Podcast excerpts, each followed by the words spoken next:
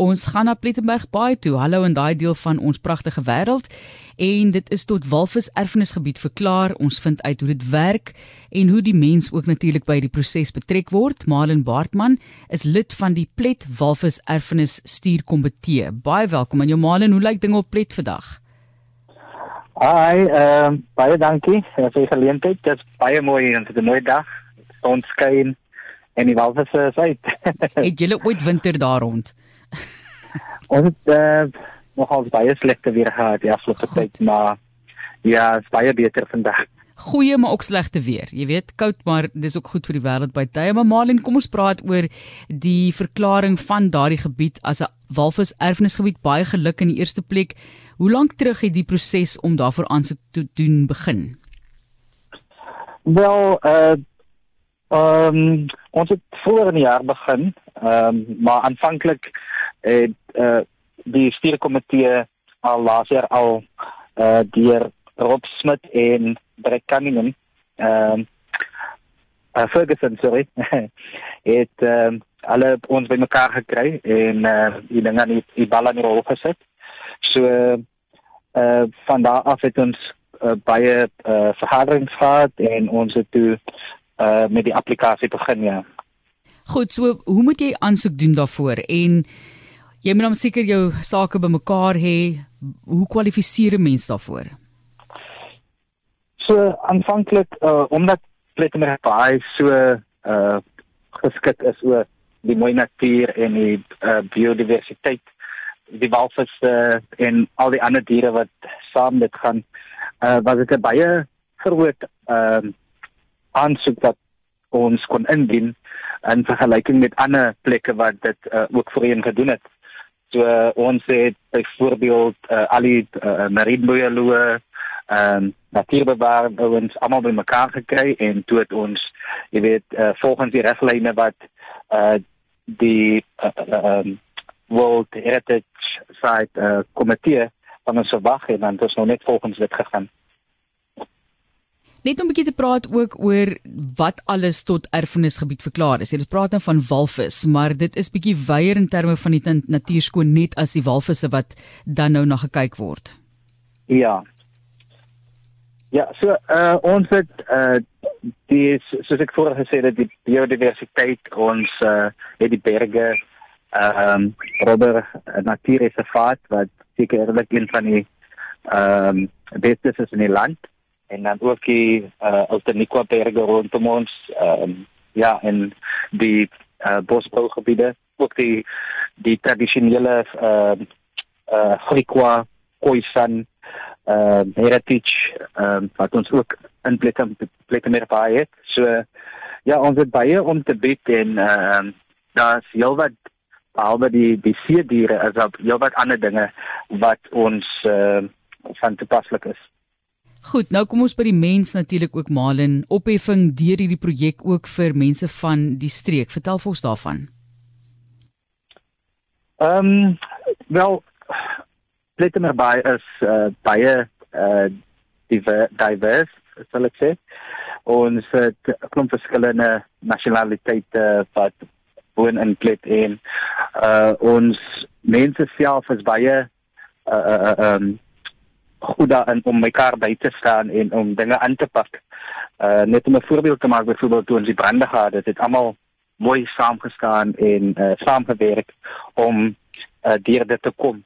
So ook as daar enige probleme is in Plekemerpaai, ons verskillende organisasies, uh, veral plek toerisme, die ouens wat in stuur is daar, hulle uh probeer altyd al bes en uh, om om nou te werk saam met die munisipaliteit en ehm uh, ja uh, alle inligting wat daar is uh, deur te gee aan al die organisasies wat ons uh, uh waar waar hy ons bestaan hier in Plekkemepaar.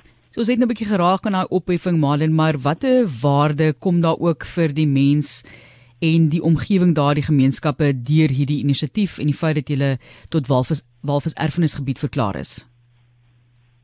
Uh ek sal sê die grootste een is uh, werkskepping ons het byvoorbeeld uh, plekke maar 'n toerisme dorpie so uh ons is baie afhanklik van af uh, toeriste wat ons dorp besoek uh buitelandse toeriste veral. So uh baie mense werk uh by die uh restaurante en dan uh die die al die al die ander uh toerisme aangeleenthede wat ons het. So werkskeping is een van die groot op uh groot uh, aangeleenthede wat ons kan bied. En dan ook ehm um, om vir ons kinders uh, baie meer uh uh betrokke te kry in die uh bewaring van Plettenbergpaai in geheel. So jy het nou hierdie projek suksesvol voltooi. Jy is baie trots. Julle is nou tot daardie erfenisgebied verklaar. Hoe onderhou julle nou hierdie projek? So wat is julle grootste bedrywighede tans? Sekerlik om dit te bemark en hier is julle nou op RSG om dit te bemark in die res van Suid-Afrika, maar hoe onderhou julle daai projek deurgangs? So ons is maar aan die beginstadium nou.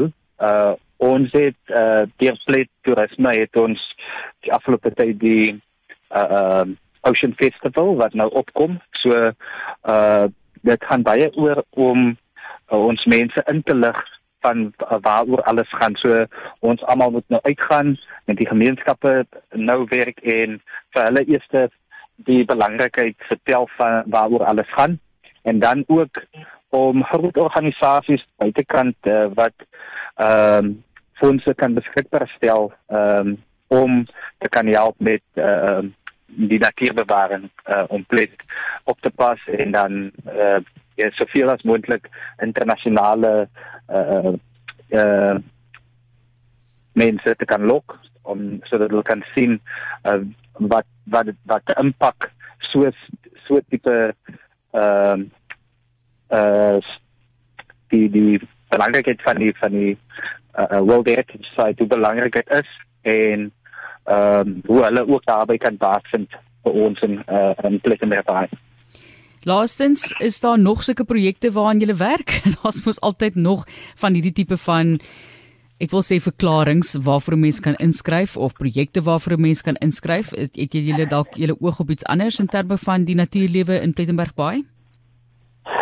Ehm um, ja, daar is sekerlik uh, baie ander goed wat ons kon, kan doen, maar ek sal sê vir ons die oomblik is dit seker een van die grootste pleintjies in plek en almal wat betrokke is is so hoe dit uh sal ek sê om die uh, uh achievement te kan kan bereik. So dit is seker een van die ons is maar een van die sewe uh in die wêreld. So dis dis basies daar bo op op op 'n ander vlak. So ons van van ons kant af, jy weet, uh om om deel te wees aan so uh ding is dit maar ek ek dink dit daar's nou op die oomblik enige iets vorentoe wat uh dit sal kan kan klop is. So dis baie groot vir ons. Ek kan dink ja, baie geluk weer eens vir julle en dankie vir dit wat julle ook doen. Daardie baie werk wat ingesit is om 'n sukses daarvan te maak. Ons is baie trots op julle en dit is op internasionale vlak 'n program wat deel is van die wêreld of die World Animal Protection Organisasie en die Wild Heritage Site program is dan 'n inisiatief van daardie organisasie. Ons sê vir julle weer eens baie geluk Malin en dat die mense stroom soontoe vir toerisme reg oor ons land. Ek sê ons altyd daai shot left draai links en besoek jou eie land. Daar is so baie om te ja, sien. Nee. Ons sê vir julle dankie.